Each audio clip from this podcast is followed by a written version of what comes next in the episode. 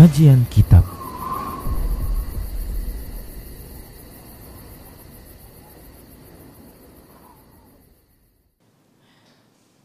Assalamualaikum warahmatullahi wabarakatuh. Innal hamdalillah nahmaduhu wa nasta'inuhu wa nastaghfiruh wa na'udzu billahi min shururi anfusina wa sayyiati a'malina may yahdihillahu fahuwal muhtad wa may yudlil falan tajida lahu mursyida. An la ilaha illallah wahdahu la syarika lah wa asyhadu anna Muhammadan abduhu wa rasuluh alladzi la nabiyya ba'dah.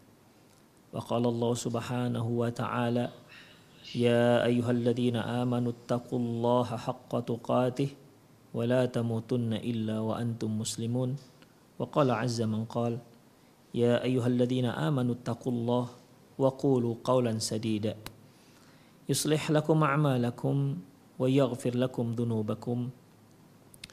ومن يطع الله ورسوله فقد فاز فوزا عظيما. يا أيها الناس اتقوا ربكم الذي خلقكم من نفس واحدة وخلق منها زوجها وبث منهما رجالا كثيرا ونساء. واتقوا الله الذي تساءلون به والأرحام. إن الله كان عليكم رقيبا. أما بعد إن أصدق الحديث كتاب الله. وخير الهدي هدي محمد صلى الله عليه وسلم وشر الأمور محدثاتها وكل محدثة بدعة wa kulla bid'atin dhalalah wa kulla dhalalatin finnar. Kaum muslimin dan kaum muslimat, para pemirsa Roja TV serta pendengar radio Roja dimanapun Anda berada. Alhamdulillah pagi hari ini kita bertemu kembali dalam kajian perjalanan setelah kematian yang kita ambil dari kitab Qiyamatus Sughra yang ditulis oleh Syekh Sulaiman Al-Ashqar. Ikhwah azinallah wa iyyakum. Kita sudah pelajari bahwasanya di saat manusia menjelang kematiannya itu merupakan saat-saat yang sangat kritis di mana setan akan memanfaatkan kondisi seperti ini karena ini merupakan kesempatan dia yang terakhir untuk menyesatkan umat manusia. Saat-saat ini yaitu saat-saat yang tidak akan ditinggalkan oleh syaitan. Barang siapa yang ternyata tergoda, terbujuk dengan rayuan setan pada saat itu, maka celakalah dia. Namun barang siapa yang istiqomah, di atas agama Allah, di atas akidah tauhid, maka itu merupakan awal dari sebuah kebahagiaan dan akan menyongsongnya kebahagiaan-kebahagiaan berikutnya yang jauh lebih besar. Ikhwah azinallah wa iyyakum. Kemudian Syekh melanjutkan pembahasannya terkait dengan asbab su'ul khatimah asbabu su'il khatimah. Sebab-sebab su'il khatimah. Ikhwah, khatimah maksudnya yaitu uh, kesudahan. Su yaitu keburukan.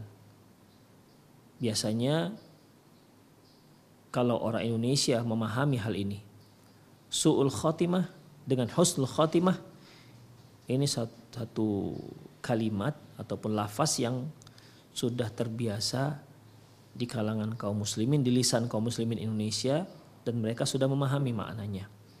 Yang dimaksud dengan husnul khotimah yaitu husnul baik, khotimah ya berkesudahan artinya kematian di sini maksudnya. Dia meninggal dalam keadaan baik. Seperti dia meninggal dalam keadaan beribadah kepada Allah atau dia meninggal dalam uh, salah satu yang disebut Rasulullah SAW sebagai mati syahid. Kebalikannya yaitu su'ul khatimah. Su artinya buruk, khatimah kesudahan. Artinya dia menyudahi usianya dengan satu hal yang buruk. Wal'iyadzubillah. Imma ketika dia meninggal dalam keadaan melakukan kemaksiatan atau perkara apa saja yang dimurkai oleh Allah Subhanahu wa taala. Semoga Allah Subhanahu wa taala melindungi kita, menjauhkan kita dari su'il khatimah. Ikhwah rahimani Allah wa iyyakum. Uh, terkadang seorang itu menampakkan keislamannya, kemudian beramal, namun tidak jarang usianya dia akhiri dengan perbuatan-perbuatan yang dimurkai oleh Allah Subhanahu wa taala. Ketika kematiannya menjelang, malah itu kematian itu datang di saat dia melakukan perkara yang dimurkai oleh Allah Subhanahu wa taala. Uh, Siddiq Hasan Khan menyebutkan dalam kitabnya tentang su'ul khatimah ini. Ini beliau sebutkan dalam Yaqdatul Ula al-I'tibar. Beliau menyebutkan bahwa walahu asbabun yajibu 'alal mu'min ayyahtariza anha. Su'ul khatimah, kematian dalam keadaan yang buruk. Usia yang ditutup dengan kondisi yang buruk yaitu dosa. Ini dikarenakan sebab-sebab yang seharusnya seorang mukmin menjauhkan diri dari sebab-sebab ini. Beliau mengatakan bahwasanya di antara sebab-sebab tersebut yang pertama yaitu minha al-fasadu fil i'tiqad. Rusaknya keyakinan. Keyakinan dia yang salah keyakinan yang keliru. Di mana mungkin ada di antara kaum muslimin yang memiliki keyakinan-keyakinan tapi sebenarnya keyakinan tersebut jelas bertentangan dengan akidah Islamiyah yang diajarkan Rasulullah Sallallahu Alaihi Wasallam. Walaupun dia seorang yang kelihatan soleh, dia kelihatan seorang yang zuhud, tetapi kalau keyakinannya keliru, keyakinannya, akidahnya bertentangan dengan akidah yang dibawa oleh Rasulullah Sallallahu Alaihi Wasallam, maka kezuhutannya, kesolehannya itu, ya, menjadi sia-sia, ikhwah. Ya, menjadi sia-sia. Karena akidah merupakan asas dari keislaman seseorang. Jika akidahnya rusak, maka rusaklah semua amalannya. Kemudian ikhwah rahimanallah wa iyyakum permasalahannya adalah akidah ini ya akidah yang dia yakini kebenarannya bahkan dia juga tidak menyangka kalau akidah ini akidah yang sesat ataupun yang rusak ataupun yang salah ya. Kecuali ketika datang kematiannya kecuali ketika datang ajalnya. Barulah dia memahami, barulah dia mengetahui ternyata apa yang dia yakini selama ini itu salah. Tapi ikhwah, eh, kesadaran yang seperti ini itu tidak ada guna sama sekali. Sama seperti yang telah kita bahas di kajian lalu, ketika seorang menjelang kematian dia minta untuk dikembalikan. Hatta idza jaa ahadahumul maut qala rabbirji'un ketika datang kematian pada salah seorang mereka qala rabbirji'un mereka berkata ya Allah kembalikan aku. Untuk apa dia kembali? Apa tujuannya minta kembali ke dunia? Apa tujuannya agar kematiannya ditunda? La'alli a'malu salihan fima tarak dia katakan agar aku bisa melakukan amalan soleh yang pernah kutinggalkan. Permasalahannya ini sudah menjelang kematian. Apa pun yang dilakukan oleh seseorang, ikhwah, taubat, nasuha yang dia lakukan, tapi di saat menjelang kematian, maka ini tidak ada gunanya sama sekali. Inna Allah yaqbalu taubah minal abdi, Inna Allah yaqbalu taubat ala abdi malam yughargir. Sungguhnya Allah menerima taubat seorang hamba selama dia belum yugorgir. Artinya sebelum nyawanya sampai ke tenggorokan. Demikian juga hal ini. Ketika dia ternyata tersadar bahwasanya apa yang dia yakini selama ini itu salah. Apa yang dia yakini selama itu keliru, tapi mirisnya dia mengetahuinya di saat menjelang kematiannya. Maka tidak ada guna sama sekali ikhwah. Sangat disayangkan. Ini merupakan salah satu penyebab su'ul khotimahnya seorang. Yaitu dia memiliki keyakinan yang salah memiliki akidah yang salah. Walaupun dia menyatakan dirinya sebagai seorang muslim. Walaupun KTP-nya tercantum bahwasanya agamanya adalah agama Islam. Allah Subhanahu wa taala firman dalam surat Zumar ayat 47, "Wa badalahum minallahi ma lam yakunu yahtasibun."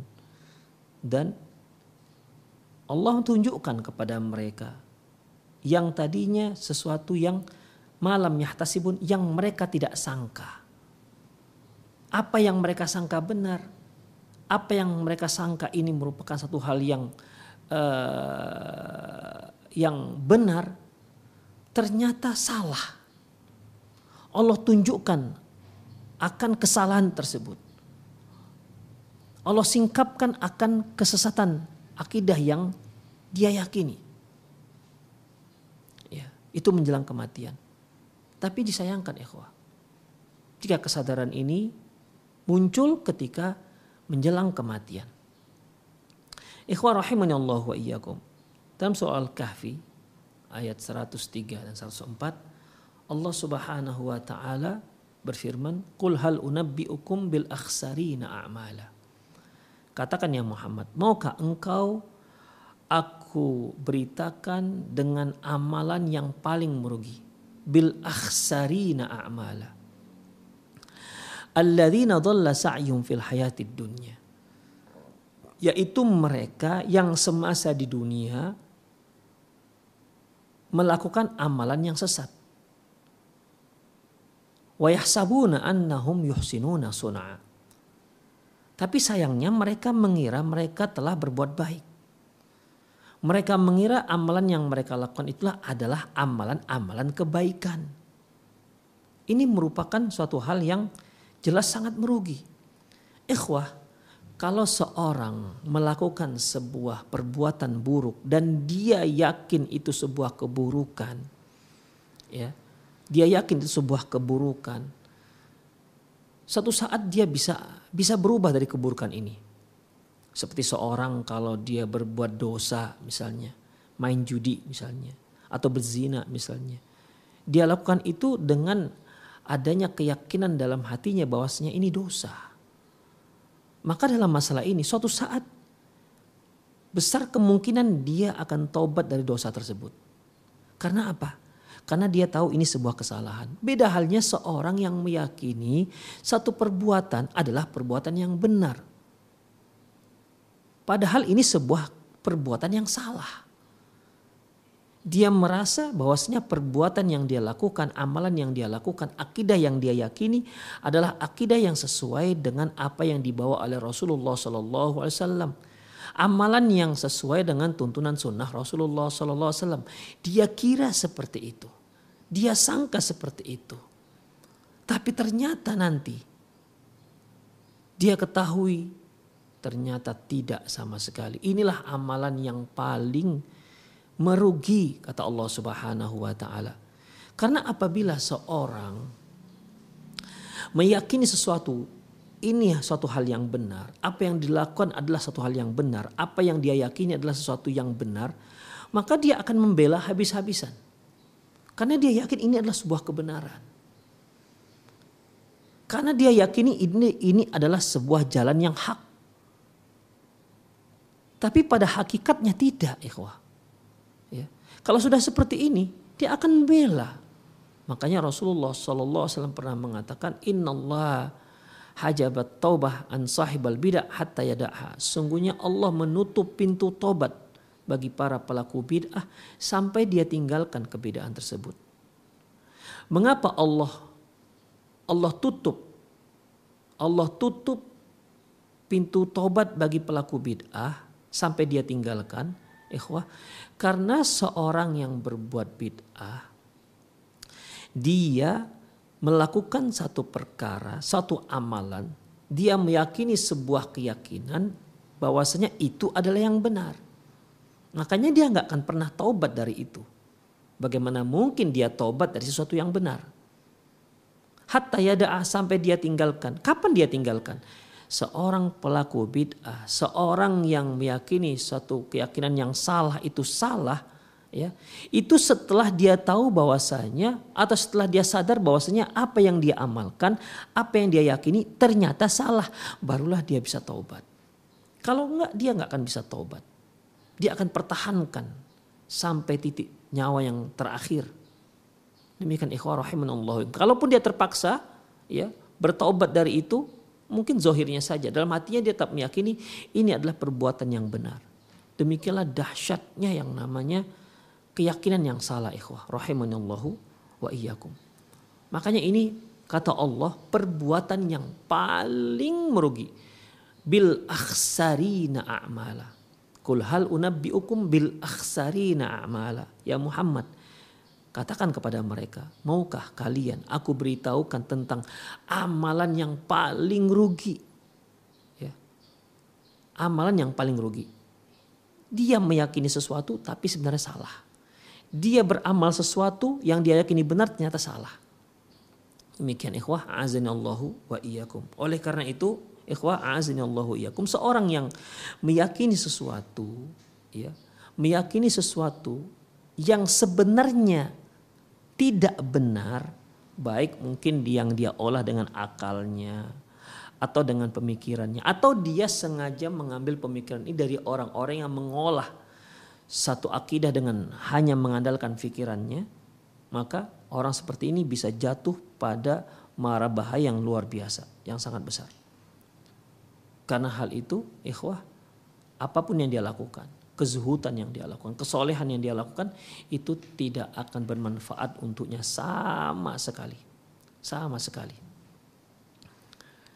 Karena amalan yang baik, kezuhutan itu hanya berfaedah apabila seorang yang memiliki keyakinan dengan keyakinan yang ada dasarnya dari Quran dan Sunnah Rasulullah Sallallahu Alaihi Wasallam. Itu yang pertama, ikhwah. Yes, penyebab seorang itu meninggal dalam keadaan buruk, yaitu karena memiliki keyakinan yang salah, karena memiliki keyakinan yang keliru. Yang kedua, sebab su'ul khatimah yang disebutkan oleh uh, Syekh Siddiq Hasan Khan yaitu al-israru alal ma'asi mereka yang melakukan kemaksiatan terus menerus dia sudah tahu itu sebuah kemaksiatan tapi terus dia gandurungi dia tahu itu sebuah kemaksiatan dia tahu bahwasanya berjudi itu merupakan perbuatan yang dilarang oleh Allah Subhanahu wa taala. Bahkan dia tahu dalilnya bahwa judi itu haram. Dia tahu dalilnya, tahu ayatnya, dia baca ayatnya. Tapi dia sulit meninggalkan. Tapi dia masih terus melakukan. Dia tahu perzinahan itu diharamkan. Dia tahu ayatnya, dia tahu dalilnya bahwasanya Allah Subhanahu wa taala mengharamkan tetapi dia masih terus melakukannya. Dalam masalah ini ikhwah rahimani Allah wa iyyakum perlu kita ketahui bahwasanya seorang itu di saat dia hidup apabila mayoritas perbuatannya yaitu melakukan kemaksiatan atau melakukan keburukan maka di saat ataupun menjelang kematiannya maka keburukannya itu akan datang kepadanya. Demikian. Demikian juga sebaliknya. Kalau dia dalam usianya umumnya dia isi dengan ketaatan maka maka kemungkinan besar kemungkinan besar ketaatan ini yang hadir pada dirinya di saat dia menjelang kematiannya. Demikian ikhwah. Ya, coba kita bayangkan kalau seandainya seorang itu yang memang uh, hari-hari melakukan kemaksiatan, dia muslim, muslim dan dia yakin itu sebuah kesalahan, ya. ya. Namun dia tidak mampu keluar dari itu dan dia tahu itu sebuah salah. Maka menjelang kematian kemungkinan besar kemungkinan besar kemaksiatan ini akan hadir pada dirinya. Nauzubillah. Ketika malaikat maut mencabut nyawa datang, kemudian di saat itu juga kebiasaan yang kebiasaan buruk yang dia lakukan yang mengisi umumnya mayoritas kehidupannya hadir. Nauzubillah min. Maka pada saat itu dia mati dalam keburukan. Ya. Dia mati dalam keburukan. Jadi ikhwah rahimanallah wa iyyakum. Uh, jadi tergantung kita apa yang kita lakukan semasa kita hidup. Jika kita semasa hidup banyak melakukan ketaatan, umum kehidupan kita melakukan ketaatan, maka kemungkinan besar ya di saat kematian yang tergambar pada diri kita adalah ketaatan itu.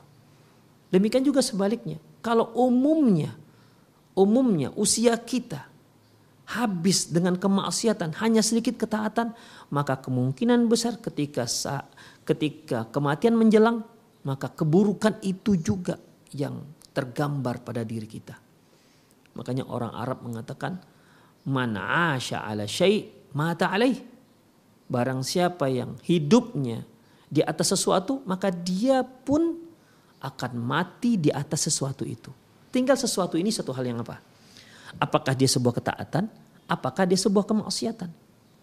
Makanya orang-orang yang yang menghabiskan usianya dengan kemaksiatan, dengan judi, khamar, main wanita, apa saja dihabiskan usianya seperti itu, maka kemungkinan besar dia meninggal dalam keadaan seperti itu. Nauzubillah min dzalik.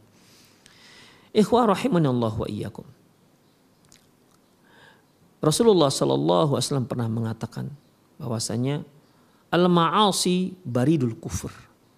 Bahwasanya kemaksiatan itu merupakan pos untuk menuju kekufuran. Karena kekufuran ini merupakan kemaksiatan luar biasa. Tapi kemaksiatan-kemaksiatan inilah yang akhirnya akan menyeret seorang pada kekufuran. Kemaksiatan ini ikhwah kan seorang yang yang yang melanggar apa yang diperintah oleh Allah Subhanahu wa taala. Tak melakukan apa yang diperintah Allah dia tak lakukan. Apa yang Allah larang malah dia langgar. Ini kan sejenis mirip dengan pembangkangan. Kita seorang muslim yang seharusnya seorang muslim itu adalah al-istislamu lillahi bil inqiyad wal idha'an. Yang seharusnya orang muslim itu orang yang, menyerah, pasrah kepada Allah, taat kepada Allah. Itulah seharusnya muslim. Lawan muslim kafir. Ya. Ketika kita seorang muslim melakukan kemaksiatan, berarti kita telah melanggar aturan Allah satu. Maksiatan kedua, ketiga, keempat, kelima, keenam, ketujuh dan seterusnya. Ini lama kelamaan kita bisa terseret pada pada yang akhirnya kita jatuh kepada kekufuran murtad dari agama Islam. Karena pembangkangan demi pembangkangan yang kita lakukan. Makanya benar kata Rasulullah SAW, al-ma'asi baridul kufur. Kemaksiatan itu merupakan pos yang menuju titik tolak seorang terjerumus pada ke kekafiran. Ikhwah azani Allah wa iyyakum. Mengapa seorang yang hidupnya melakukan sesuatu maka dia akan meninggal dalam keadaan sesuatu tersebut ya apa yang dia lakukan itu akan terbayang kembali lagi ketika dia meninggal kita berikan contoh contohnya ikhwah rahimanallah wa iyyakum kalau kita tidur ya sering kita mimpi dengan perbuatan yang biasa kita lakukan. Misalnya nih, seorang yang hobi bola. Di hatinya sudah sangat cinta dengan bola. Ini permainan bola bisa masuk dalam tidurnya. Bisa masuk dalam tidurnya. Dan ingat ikhwah, ya. Tidur itu merupakan adiknya kematian. Tidur merupakan adiknya kematian. Kita sudah bahas bahwasanya ya tidur itu merupakan kematian kecil. Ya, kematian kecil. Adapun dicabutnya nyawa itu merupakan kematian besar. Ketika kita tidur, yang Allah katakan itu adalah sebuah kematian. Rasulullah juga katakan sebuah kematian. Makanya ketika kita bangun dari tidur, kita berdoa, kita, ucapan doa kita, Alhamdulillahilladzi ahyana ba'da ma amatana. Segala puji bagi Allah yang telah menghidupkan kami setelah mematikan kami. Wa ilaihin nusyur. Syuh, perhatikan yang menghidupkan kita kami setelah mematikan kami. Berarti tidur itu sebuah kematian.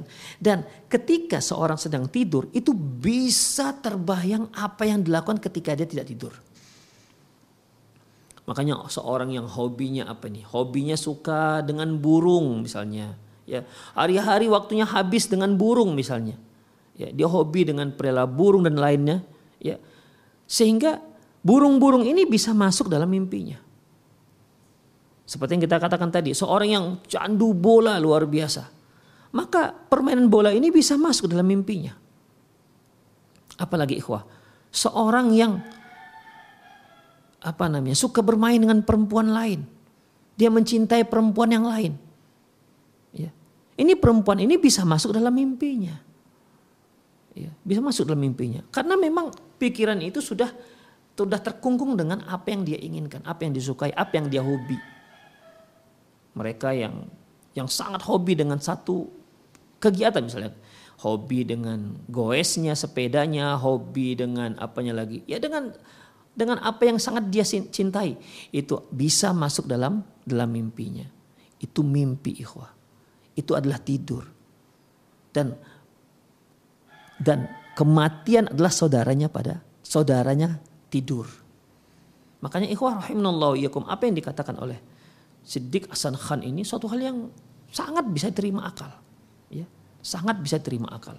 Dan itu diakui oleh syariat bahwasanya ya bahwasanya apa yang kebiasaan yang dilakukan oleh seorang ketika dia masih hidup, apa yang dia cintai, dia habiskan waktunya untuk itu, maka kemungkinan besar ketika dia meninggal apa yang dilakukan itu akan terbayang kembali, kembali pada dirinya. Sama seperti seorang yang menghabiskan waktunya cinta dengan Al-Quran. Maka ketika dia meninggal bisa dia ketika meninggal itu sedang baca Quran. Demikian ikhwah. Bahkan kita lihat di media sosial. Ada yang sedang koma pun. Sedang pingsan. ya Sedang tak sadar masih baca Quran. Masya Allah. Sangkin cintanya dia dengan Al-Quran. Bisa saja seorang yang sangat cinta dengan hadis ketika dia mau meninggal masih terbayang hadis-hadis yang dia baca. Ketika dia cinta dengan majelis, majelis ilmu, ketika dia meninggal yang terbayang dia adalah majelis ilmu. Ya, yang terbayang dia adalah majelis-majelis ilmu. Demikian ikhwah, rahimanallahu wa iyyakum. Ya, kita lihat ikhwah azinallahu wa iyyakum apa kata Imam Ad-Dhahabi dalam kitab Al-Kabair. Kata beliau, Qala Mujahid, berkata Mujahid. Ma min mayitin yamutu illa muthillahu julasa'uhu alladhina kana yujalisuhum. Tidak ada satu mayit pun, tidak ada seorang pun yang meninggal kecuali kecuali akan digambarkan kepada dia orang-orang yang menjadi teman duduknya ketika dia hidup. Julasa ini ya teman hidupnya, teman duduknya. Pokoknya teman dekat dia, apa yang dia lakukan bersama teman-temannya.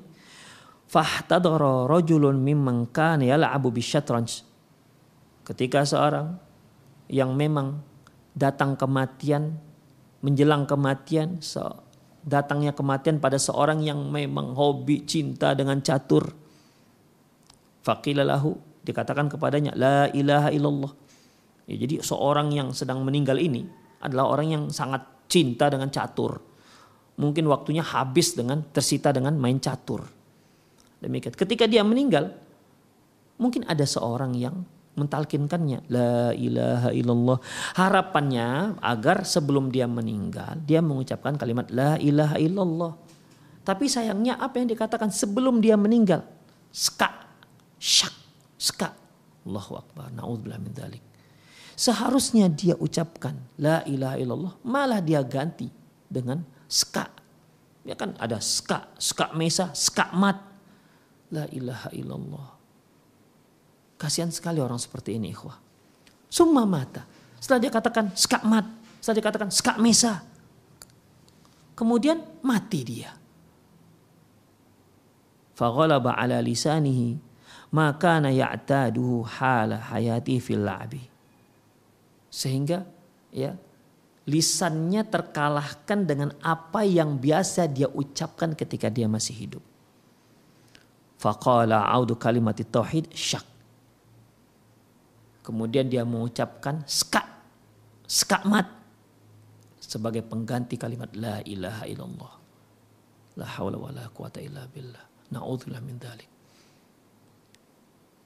Ikhwah Allah wa iyyakum. Hati-hati. Ya, hati-hati. Mungkin seorang yang suka dengan burung, ya, hobinya dengan burung, yang hari-hari dia a a a a begitu kan, melatih burungnya. Kadang-kadang panggilan hayya as salah, hayya 'alal falah, dia abaikan gara-gara ngurus burung. Ya.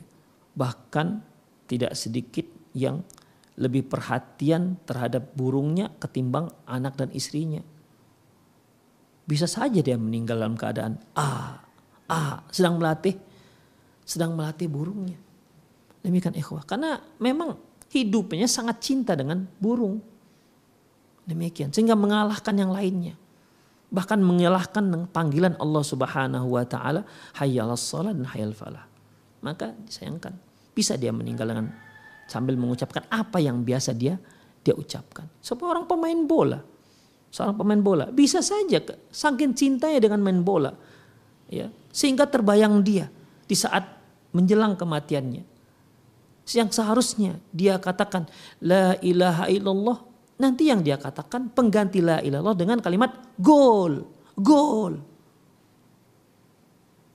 Ikhwah, ini bisa terjadi. Ya, bisa terjadi. Makanya hati-hati ikhwah fiddin. Man asya ala syai' mata alaih. Barang siapa yang hidup terbiasa dalam hidupnya dengan sesuatu, maka dia mati dalam sesuatu tersebut. Tergantung sesuatunya apa. Apakah sesuatunya baik ataukah sesuatu itu adalah sesuatu yang buruk. Kemudian ikhwah azani Allah wa iyyakum. Yang ketiga yaitu al-udul anil istiqomah yaitu mereka yang berpaling dari istiqomah. Menyimpang dari istiqomah. Ikhwah istiqomah itu yaitu mereka yang teguh, tegar di atas kebenaran. Itu dikatakan istiqomah. Sulit ya. Untuk istiqomah sulit. Ya. Ketika seorang menyimpang dia harus segera sadar. Dia harus segera dia harus segera taubat kepada Allah Subhanahu wa taala. Makanya selalu kita dalam salat kita berdoa kepada Allah, ihdinas siratal mustaqim. Ya Allah, tunjukkan kami jalan yang lurus. Tunjukkan kami jalan yang lurus. Agar kita terus selama semasa hidup kita tetap berada di atas jalan yang lurus. Di atas ketaatan pada Allah Subhanahu wa taala. Namun ikhwah azinallahu wa iyyakum ada orang-orang yang tadinya dia sudah mengetahui kebenaran. Dia sudah uh, dia sudah mengetahui sunnah Rasulullah Sallallahu Alaihi Wasallam. Dia sudah mengetahui ketaatan pada Allah Subhanahu Wa Taala. Tapi disayangkan ternyata dia menyimpang dari itu semua. Ya, dia menyimpang dari itu semua yang tadinya dia rajin mengaji, kemudian dikarenakan kesibukan dunia, akhirnya dia tinggalkan pengajian. Yang tadinya, ya, yang tadinya dia di atas ketaatan pada Allah, akhirnya dikarenakan ya mungkin banyak sebab ikhwah apakah dikarenakan teman lingkungan ya akhirnya dia tinggalkan ketaatan pada Allah Subhanahu wa taala dia tinggalkan istiqomah tersebut. Gak tegar dia di atas kebenaran. Orang seperti ini ikhwah rahimanallahu wa iyyakum bisa menyebabkan dia mati dalam su'ul khatimah. Mungkin para pemirsa pernah dengar kisah uh, Bal'am bin Ba'ur ya. Juga kisah uh, Barsisoh di mana kedua ini adalah orang-orang tadinya adalah orang-orang soleh. Ya, tapi dikarenakan tidak mampu menahan godaan setan, akhirnya mereka hanyut dengan rayuan dan bujukan setan. Dia tinggalkan kebaikannya, dia tinggalkan kesolehannya. Akhirnya mati dalam keadaan su'ul khatimah. Yang tadinya dia adalah seorang yang soleh, masya Allah, ya, yang sangat dekat dengan Allah Subhanahu Wa Taala. Karena nggak mampu menahan godaan, dia tinggalkan ketaatan itu. Dia terjerumus pada kemaksiatan. Memang ikhwah, ya. Sebagaimana yang telah kita pelajari bahwasanya setan ini adalah makhluk Allah yang sangat lihai. Bagaimana nggak lihai? Dia punya pengalaman ribuan tahun dalam menggoda umat manusia. Pengalaman yang luar biasa. Dan memang itu yang dia minta. Dia katakan Rabbi anzirni ila yaumi yub'atsun ya Allah tangguhkan usiaku hingga hari hingga hari ber, hingga hari kiamat. Itu permintaannya. Untuk apa ikhwah? Tujuannya untuk menyesatkan manusia. Ya. Untuk menyesatkan manusia. Dia berazam di hadapan Allah Subhanahu wa taala, la aqudanna lahum siratal mustaqim. Aku akan duduk di di atas jalanmu yang lurus bukan berarti dia mau menempuh jalan yang lurus enggak. Dia sengaja duduk di atas jalan yang lurus ini agar orang-orang yang menempuh jalan yang lurus dia goda. Jangan sampai orang ini melanjutkan perjalanannya di jalan yang lurus tersebut. Yang tadinya sudah soleh dia goda. Agar yang soleh ini enggak melanjutkan kesolehannya. Setelah dia goda dia rayu kemudian akhirnya orang ini pun menyimpang. Menempuh jalan ke kiri dan ke kanan Demikian tergoda dengan jalan-jalan yang kiri dan kanan. Yang masing-masing jalan ini yang kata Rasulullah SAW itu ada pintu-pintu. Ya. Ini jalan yang lurus kata Rasulullah, kiri kanan ada pintu. Di pintu itu ada orang-orang yang memanggil, ayo kemari, ayo kemari. Itulah setan-setan itu ikhwah. Di tengah ada setan. Mempersilahkan dan menggoda mereka agar mereka belok kiri atau belok kanan. mereka yang belok kiri, berarti mereka meninggalkan keistiqomahan. Demikian ikhwah, azinallahu wa iyyakum. Ya, jadi itu sudah memang azamnya setan. Dan memang sangat piawai dalam masalah ini. La atiyannahum min baini aidihim min khalfihim ma'an aymanihim an syama'ilihim la tajidu aktsarum syakirin. Aku akan goda mereka dari depan dari belakang, dari kanan atau dari kiri dan engkau akan lihat nggak banyak mereka yang bersyukur kepadamu. Itulah azamnya syaitan, tekadnya syaitan. Optimisme yang luar biasa dalam menyesatkan manusia mereka yang tergelincir dengan godaan setan inilah orang-orang yang ternyata lari dari keistiqomahan. Semakin lama semakin menjauh menjauh menjauh menjauh akhirnya mati dalam keadaan suul khotimah mati dalam keadaan suul khotimah demikian. Yang akhirnya ikhwah yang tadinya orang soleh tergoda sedikit demi sedikit akhirnya ketika dia meninggal setan datang ukfur, kafirlah kamu. Ternyata dia ikut juga kafir. Padahal itu detik-detik kematian dia. Dia pun kafir. Kemudian setelah kafir, apa kata si setan? Ini bari umminka, ini akhafullah rabbal alamin. Sungguhnya aku itu berlepas diri dari kamu. Aku itu takut pada Allah subhanahu wa ta'ala. Jadi setan ini hanya membujuk supaya dia kafir. Dan dia sebenarnya takut dengan Allah. Setan ini takut kepada Allah subhanahu wa ta'ala. Jadi setelah orang ini kafir, oh aku nggak ikut katanya. Aku aku takut pada Allah Subhanahu wa taala. Itulah syaitan. Ya. Jadi ketika seorang menyimpang dari istiqomah, maka dia bisa mati dalam keadaan suul khatimah. Demikian ikhwah azinallahu wa iyyakum. Kemudian sebab yang keempat yaitu dha'ful iman. Lemahnya iman. Ya lemahnya iman. Ikhwa azinallahu wa iyyakum. Apabila seorang lemah imannya kepada Allah Subhanahu wa taala, otomatis kecintaannya kepada dunia itu lebih kuat. Ya. Otomatis kecintaannya pada dunia itu akan menjadi kuat. Dan kekuatan cintanya kepada dunia ini bisa semakin lama semakin menggeser kecintaan dia kepada Allah Subhanahu wa taala. Karena kecintaannya pada dunia lebih besar, ya. lebih besar, maka nggak bisa ikhwah dalam satu hati itu seorang itu sama kuat kecintaannya kepada Allah dengan dunia dan pada Allah, nggak bisa. Jadi karena kecintaannya kepada dunia itu besar, ini lama kelamaan kecintaan dia kepada Allah akan menggeser kecintaan di dunianya itu akan menggeser kecintaannya kepada Allah Subhanahu wa taala. Otomatis berarti dia akan bergelimang kemaksiatan, dia akan mempertulkan syahwatnya di saat dia meninggal, di saat dia mau meninggal menjelang kematian, dia sangat dia sangat tidak suka hal itu. Kenapa? Dia akan meninggalkan dunia yang sangat dia cintai. Akhirnya akan menghasilkan apa? dia benci dengan Allah Subhanahu wa taala. Nauzubillah min dzalik. Berubah yang tadinya kecintaan kepada Allah yang hanya setinggal sedikit berubah menjadi benci dengan Allah Subhanahu wa taala.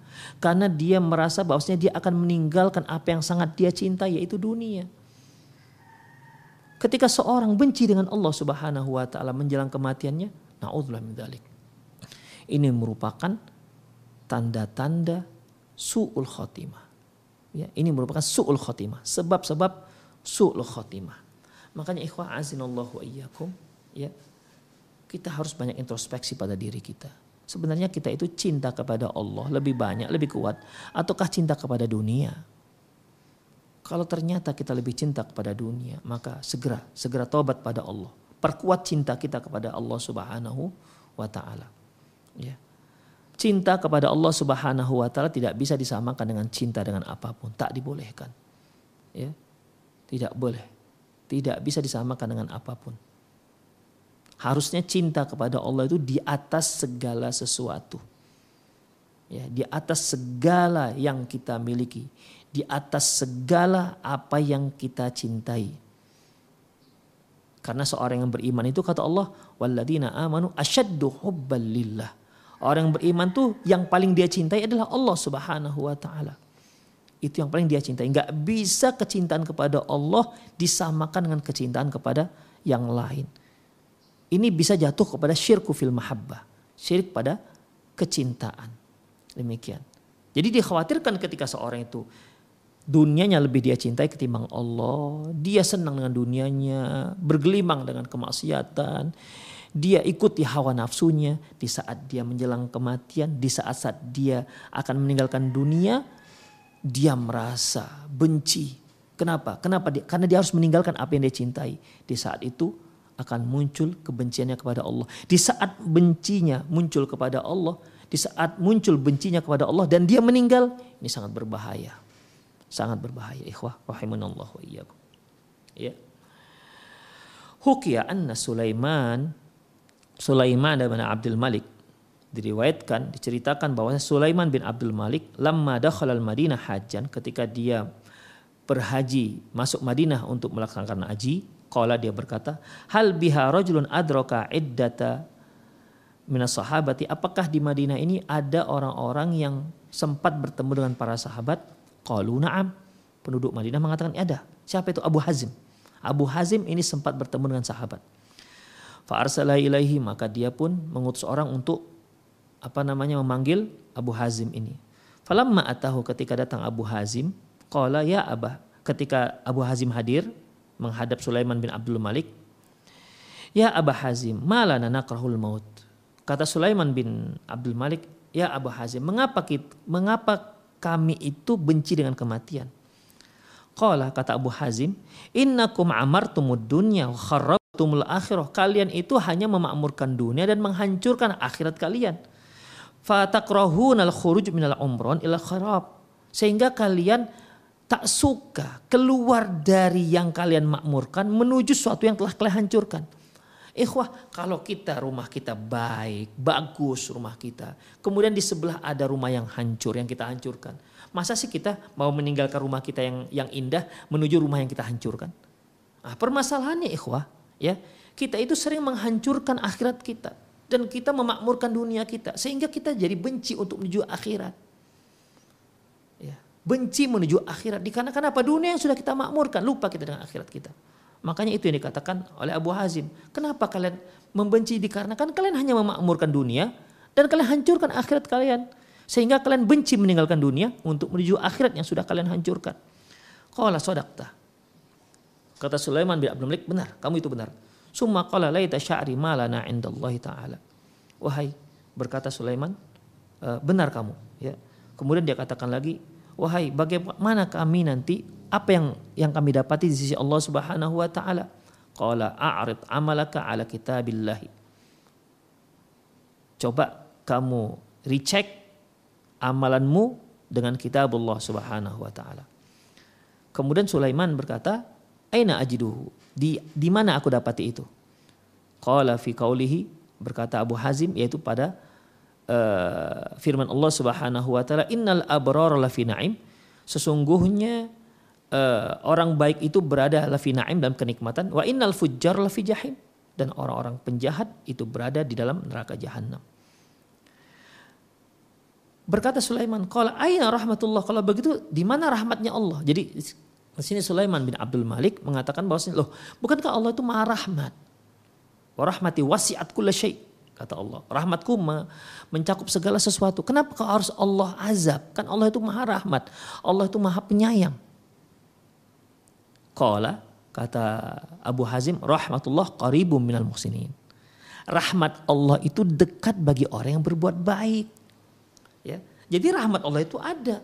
Tapi rahmat Allah ini sangat dekat dengan orang yang berbuat baik. Adapun kalau orang berbuat jahat, ya, rahmat Allah ini semakin menjauh dari dirinya. Demikian. Kecuali kalau dia bertobat. Kalau dia bertobat maka rahmat ini akan dekat. Wa qul li'ibadiyalladzina asrafu ala ala anfusihim la taqanatu min rahmatillah. Katakan kepada hamba-hambaku yang berbuat dosa, janganlah kalian Janganlah kalian putus asa atas rahmat Allah. Inna Allah yaghfir dzunuba jami'a. Sungguhnya Allah itu mengampunkan semua dosa. Ini adalah orang yang berbuat maksiat yang bertobat. Tapi kalau dia nggak bertobat, maka rahmat Allah jauh dari dia. Karena sebuah tobat adalah perbuatan kebaikan. Ya, seorang yang salah, berdosa, kemudian dia bertobat. Taubat itu sebuah kebaikan. Makanya la taqnatu min rahmatillah. Janganlah kalian putus asa atas rahmat Allah. Bertobatlah Allah akan ampuni. Inna Allah yaghfiru dzunuba jami'a. Sungguhnya Allah itu mengampunkan semua dosa. Tapi mereka yang nggak bertobat semakin jauhlah rahmat Allah dari dia. Semakin jauh, semakin jauh, semakin jauh. Demikian ikhwah. Kemudian qala ya laita sya'ri kaifa kaifa aradu 'ala Allah taala ghadan.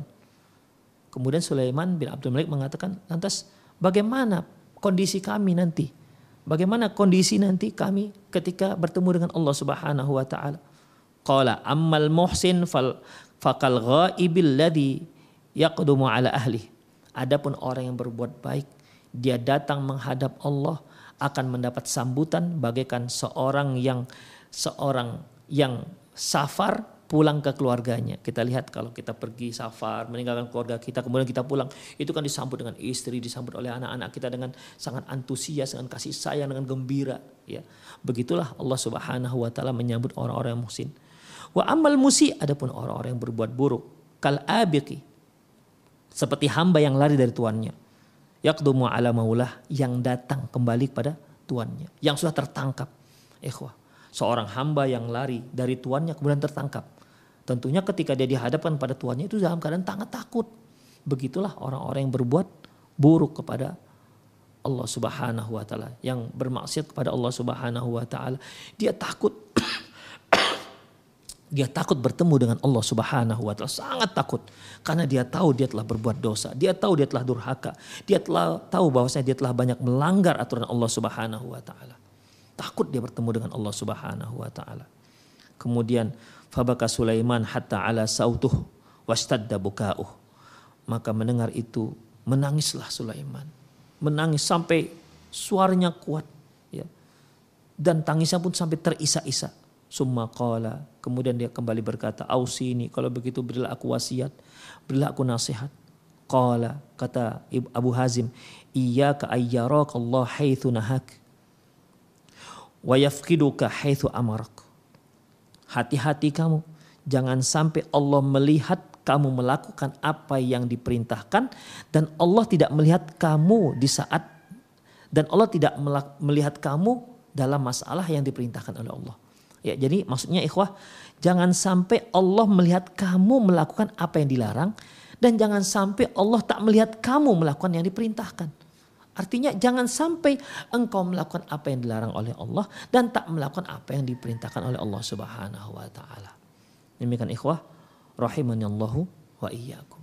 Jadi itulah empat ya, itulah empat perkara yang disebutkan oleh uh, Syekh Siddiq Hasan Khan ya dalam kitabnya Yaqdatul Ula al-I'tibar ya ada empat perkara yang menjadikan sebab seorang itu su'ul khatimah.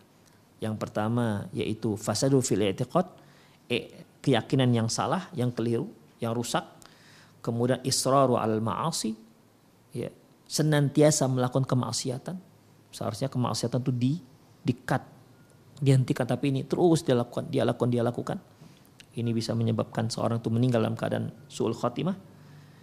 Yang ketiga yaitu al-udul anil istiqamah, yaitu berpaling dari istiqomah. Tadinya dia sudah soleh, tapi dia tinggalkan kesolehan tersebut. Tadinya dia sudah berteman dengan orang-orang baik, tapi ditinggalkan teman-teman baik, malah bertemu, berteman dengan para pelaku-pelaku maksiat. Yang keempat yaitu dikarenakan lemahnya iman. Semoga Allah Subhanahu wa taala melindungi kita dari sebab-sebab su'ul khotimah. Dan semoga Allah Subhanahu wa taala memberi kita anugerah akhir kematian kita, akhir kehidupan kita dengan husnul khatimah. Demikian para pemirsa, aku lu qauli hadza wa astaghfirullah li wa lakum. muslimin innahu wal ghafur rahim. Baik, terima kasih atas uh, pembahasan yang penuh manfaat tentang sebab-sebab dari sul khatimah yang telah Ustaz sampaikan di pagi hari ini. Untuk selanjutnya khotal Islam kita masuk ke sesi tanya jawab. Anda yang akan bertanya kami berikan kesempatan. Terlebih dahulu kami angkat dari pesan singkat ada dari pendengar kita hamba Allah di Bogor. Assalamualaikum warahmatullahi Ustadz, apakah dampak dari namimah uh, orang lain dari orang lain dapat mengakibatkan suul khatimah? Mohon nasihatnya Ustadz, karena saya sudah berusaha untuk memperbaiki hubungan akan tetapi sulit karena adanya namimah tersebut Ustadz. Barakallahu fikum. Fika barakallah. Rasulullah sallallahu alaihi wasallam bersabda, "La la yadkhul jannatun namam." Tidak masuk surga orang yang melakukan namimah, yaitu yang suka mengadu domba. La yadkhul jannati namam. La yadkhul jannata namam. Tidak masuk surga para pelaku ataupun orang-orang yang namam ini siwah mubalaghah yang sering melakukan namam, namimah Ikhwa azinallah wa iyyakum. Bukankah seorang yang husnul khotimah ya, diharapkan dia masuk ke surganya Allah? Demikian juga sebaliknya. Seorang yang su'ul khotimah maka kemungkinan besar dia masuk ke dalam nerakanya Allah Subhanahu wa taala. Terlepas apakah dia nanti uh, diampuni oleh Allah ataupun dia masuk neraka dahulu kemudian Allah Subhanahu wa taala angkat dia di neraka dan dimasukkan ke dalam surga. Tergantung ya. Dosanya apa? Kalau dosanya sampai pada kufur, maka dia masuk ke dalam neraka dan kekal dalamnya. Kalau dia seorang muslim walaupun keimanannya miskala darratin sebesar habbatin minal khadar sebesar biji sawi ya walaupun dia dimasukkan ke dalam neraka dan dia lama di sana tapi satu saat Allah akan tarik dia dan dimasukkan ke dalam dalam surga. Taib. Untuk berbuat baik, Allah Subhanahu wa taala mengatakan masuk ke surga. Untuk perbuatan buruk, Allah katakan masuk ke dalam neraka kalau enggak Allah ampuni. Taib. Sekarang la yadkhul jannata namam. Masuk surga orang yang melakukan namimah. Enggak masuk surga itu maksudnya gimana? Masuk ke neraka. Ya. Seorang yang senantiasa melakukan namimah, ikhwah, Apakah ini bisa menjadi penyebab su'ul khotimah? Ya. Kalau dia senantiasa melakukannya, senantiasa melakukannya. Karena itu termasuk dalam al-israru fil ma'asi. Mereka yang senantiasa melakukan kemaksiatan. Mereka yang senantiasa melakukan kemaksiatan. Jika itu dia lakukan, dia lakukan, dia lakukan. Nanti bisa saja sebagaimana yang kita katakan tadi bahwasanya mana asya ala syai mata alaih. Barang siapa yang hidup melakukan sesuatu, maka dia mati dalam keadaan apa yang biasa dia lakukan. Kalau selama hidupnya dia suka melakukan namimah, ya, maka ada kemungkinan besar dia mati dalam keadaan seperti itu. Dia mati dalam keadaan seolah-olah dia sedang melakukan namimah. Demikian naudzubillah min dzalik. Seperti yang kita katakan tadi ikhwah, ya. Seperti yang kita katakan tadi, seorang yang yang disebutkan Imam Dahabi tadi, seorang yang yang cintanya luar biasa terhadap catur, mati dalam keadaan bukan mengucapkan la ilaha illallah tapi mengatakan skamat. Nauzubillah min dzalik. Bahkan sampai lupa mengatakan la ilaha illallah. Padahal orang di sampingnya sudah mentalkinkan dia. Demikian. Makanya ikhwah azinallahu iyyakum mereka yang senantiasa melakukan namimah, namam ya dan dia musirru ala hadha dan dia terus melakukan itu maka ada kemungkinan besar dia akan meninggal dalam keadaan seperti itu karena dia telah melakukan salah satu sebab-sebab su'ul khotimah. Allahu alam bisawab. Nah. Terima kasih atas jawaban dan nasihat al -Ustaz. Demikian untuk pertanyaan pertama dan yang kedua kami berikan dari uh, penelpon kesempatan kedua dari telepon. Barangkali ada yang masuk dari pendengar dan pemirsa. Ya, silakan. Masuk dari dan Ya, silakan Bapak atau Ibu mohon dikecilkan saja volume radio dan TV-nya. Cukup dengan telepon Halo. saja. Halo, Assalamualaikum. Waalaikumsalam warahmatullahi ya, wabarakatuh. Begini, Pak Ustad. Dengan siapa dari mana, Bapak? Uh, dengan telepon. Halo. Halo, Assalamualaikum. Iya, begini Pak Ustad. Saya misalnya dikirimin-kirimin gitu Pak Ustad. Yang ilmu-ilmu jahat gitu Pak Ustad, ilmu-ilmu sesat gitu Pak Pak Ustad saya itu mendapatkan nikmat kubur nggak Pak Ustadz di dalam kubur itu Pak Ustadz. Misalnya kita mati keadaan dijahatin orang, disantet orang gitu Pak Ustadz. Demikianlah pertanyaan kita dari Jikrullah di Kampung Baru Pak Ustadz. Ya. Assalamualaikum. Waalaikumsalam warahmatullahi wabarakatuh. Terima kasih Bapak interaksinya. Silahkan Ustadz. Ikhwah azinallah wa iyyakum para pemirsa Roja TV dan pendengar Radio Roja di mana pun Anda berada. Perlu kita ketahui bahwasanya santet, apalagi dukun, ini adalah perbuatan setan. Mereka mendapat bantuan dari setan. Dan Allah mengatakan, Inna kaida syaitan kana dha'ifa. Makarnya setan, ya, tipu daya setan itu lemah. Allah yang mengatakan ini, itu lemah. Tapi mengapa makarnya setan, tukang-tukang santet yang merupakan kerjasama dengan setan, malah bisa mengalahkan kita. Padahal Allah katakan, in inakad syaitan karena do'ifa. Makarnya setan, tipu daya setan itu lemah. Berarti kita yang bermasalah. Kalau orang berbuat jahat, tukang santet, dukun dari dulu sudah ada ikhwah. Tapi permasalahannya mengapa santetnya itu bisa mengenai kita? Mengapa manjur terkena kita? Mengapa kita bisa diguna-guna? Itu dikarenakan bukan santetnya, bukan jinnya, bukan setannya yang kuat, tapi karena kitanya lebih lemah dibandingkan setan. Setan itu sudah lemah, tapi kita lebih lemah dibandingkan setan. Kenapa ikhwah? Pertama, karena akidah kita nggak lurus. Tauhid kita belum menghunjam teguh dalam hati kita. Yang kedua, ya kita jauh dari Allah Subhanahu wa taala. Jauh dari Allah Subhanahu wa taala. Jauh dari ketaatan Allah Subhanahu wa taala. Karena Allah Subhanahu wa taala akan melindungi orang-orang yang senantiasa taat kepadanya. Allah Subhanahu wa taala akan melindungi orang-orang yang senantiasa berzikir kepadanya. Kita lihat ikhwah. Orang yang taat itu dia melakukan sunnah sunnah Rasulullah SAW dan sebagaimana yang pernah kita singgung bahwasanya bahwasanya kita itu diberikan oleh Allah yaitu berupa senjata melawan setan. Memang sebagaimana kita katakan tadi, triknya setan, tipu dayanya setan, pengalamannya luar biasa. Tapi begitu pun ikhwah. Rasulullah bukan membiarkan kita begitu saja. Allah Subhanahu wa taala tidak membiarkan begitu saja dikalahkan oleh syaitan sehingga semua kita masuk ke dalam neraka jahanam. Nauzubillah min dzalik. Enggak. Allah beri kita senjata. Apa itu? Quran dan sunnah Rasulullah sallallahu alaihi wasallam ketika kita makan, kita dituntun oleh Rasulullah supaya makan, supaya mengucapkan bismillah. Supaya apa? Supaya makan kita nggak dimakan oleh setan. Ketika kita masuk rumah, kita tutup pintu, kita ucapkan bismillah. Supaya rumah kita tidak jadikan tempat nginap oleh syaitan. Demikian. Akhirnya setan ini ter, apa namanya nggak bisa mengganggu kita.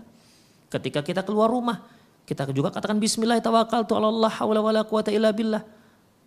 Di mana kalau seorang mengucapkan ucapan ini fanudia maka dikatakan qad wuqiya wa qad wuqiya wa hudiya uh, wa kufiya. Orang ini sudah mendapatkan uh, kecukupan, sudah mendapatkan hidayah dan mendapatkan perlindungan. Dan setan-setan pun akan berkata kepada kawan-kawannya, eh nggak bisa ini orang ini nggak bisa digoda karena dia sudah mendapatkan perlindungan, sudah mendapatkan kecukupan, wakot kufia, wahudia, wawukia. Dia telah mendapatkan perlindungan, kecukupan, sudah mendapatkan hidayah dan mendapatkan perlindungan dari Allah Subhanahu wa taala. Fatanah syaitan, setan minggir. Demikian. Ini setan-setan ini kan yang membantu santet-santet itu. Demikian. Demikian juga kita jarang baca Quran dan jarang juga mungkin nggak pernah nggak pernah mengucapkan membaca zikir pagi sore yang merupakan benteng seorang muslim demikian ikhwah jadi sebenarnya bukan santet yang hebat bukan santet yang hebat Oh santet itu kerjasama dengan setan, setan itu lemah kata Allah. Kitanya yang lebih lemah dibandingkan si setan itu masalahnya. Makanya ikhwa azinallahu iyyakum dengan mendekatkan diri kita kepada Allah Subhanahu wa taala kita laksanakan sunnah-sunnah Rasulullah SAW zikir-zikir yang ada atharnya dari Rasulullah SAW dari mulai kita bangun tidur sampai kita tidur kembali itu semua ada doa-doanya. Bacalah itu. Insya Allah insya Allah tidak akan terkena. Santet apa pun tidak akan membahayakan kita. Allah Subhanahu wa taala melindungi kita. Ya. Allah Subhanahu wa taala melindungi kita. Kenapa ada manusia uh, lemah dengan setan? Ya, sebagaimana dikatakan Allah dalam surat Jin, wa annahu kana rijalun minal insi ya'udzuna ya'udzuna minal jin wa wa annahu kana rijalun minal insi birijalin minal jinni fazaduhum rahaqa. Ada manusia-manusia, orang laki-laki yang di mana mereka itu minta perlindungan dari laki-laki jin. Allahu Akbar. Kok minta perlindungan? Manusia itu kuat Ketika dia minta perlindungan dari setan, berarti dia menjadikan dirinya hina di depan setan. Hina di depan depan jin-jin ini. Fazaduhum rohako. Akhirnya bertambah di, ditakutkan oleh setan. Lemah dia ikhwah. Demikian. Jadi sekali lagi Bapak yang bertanya ya kembali kepada Quran dan Sunnah. Taat kepada Allah Subhanahu wa taala. Laksanakan semua kewajiban-kewajiban ya dan tinggalkan semua larangan Allah karena ini yang akan menguatkan kita. Kemudian bacalah zikir-zikir, doa-doa yang memang ada sunnahnya dari Rasulullah Sallallahu Alaihi Wasallam. Karena itu itu adalah hisnul muslim, yaitu benteng seorang muslim dari gangguan setan. Sehebat apa pun tuh santet, sehebat apa pun jinnya, sekuat apa pun iblisnya, dia tidak akan mampu ya merusak benteng kita. Tinggal kita, apakah kita orang yang taat kepada Allah, yang mau membentengi diri kita dengan ketaatan kepada Allah dan di atas Quran dan Sunnah Rasulullah ataukah tidak? Kalau enggak, itulah yang akan terjadi. Akan terkena ilmu-ilmu yang buruk tersebut. Demikian ikhwah, aziyallahikum. Semoga Allah subhanahu wa ta'ala menjauhkan diri kita dari Bapak yang bertanya dari hal-hal yang yang berbahaya, dari hal-hal yang membahayakan kehidupan kita, apalagi yang membahayakan agama kita. Demikian ikhwah azallahu iyyakum. Semoga apa yang kita bahas tadi, apa yang saya bacakan tadi ya sedikit yang tadi uh, sedikit wawasan yang kita sampaikan tadi bermanfaat bagi kita. Ya, bermanfaat. Lebih dan kurang mohon maaf. Aku luka hadza wastaghfirullah li wa lakum wa muslimin innahu wal rahim. Assalamualaikum warahmatullahi wabarakatuh.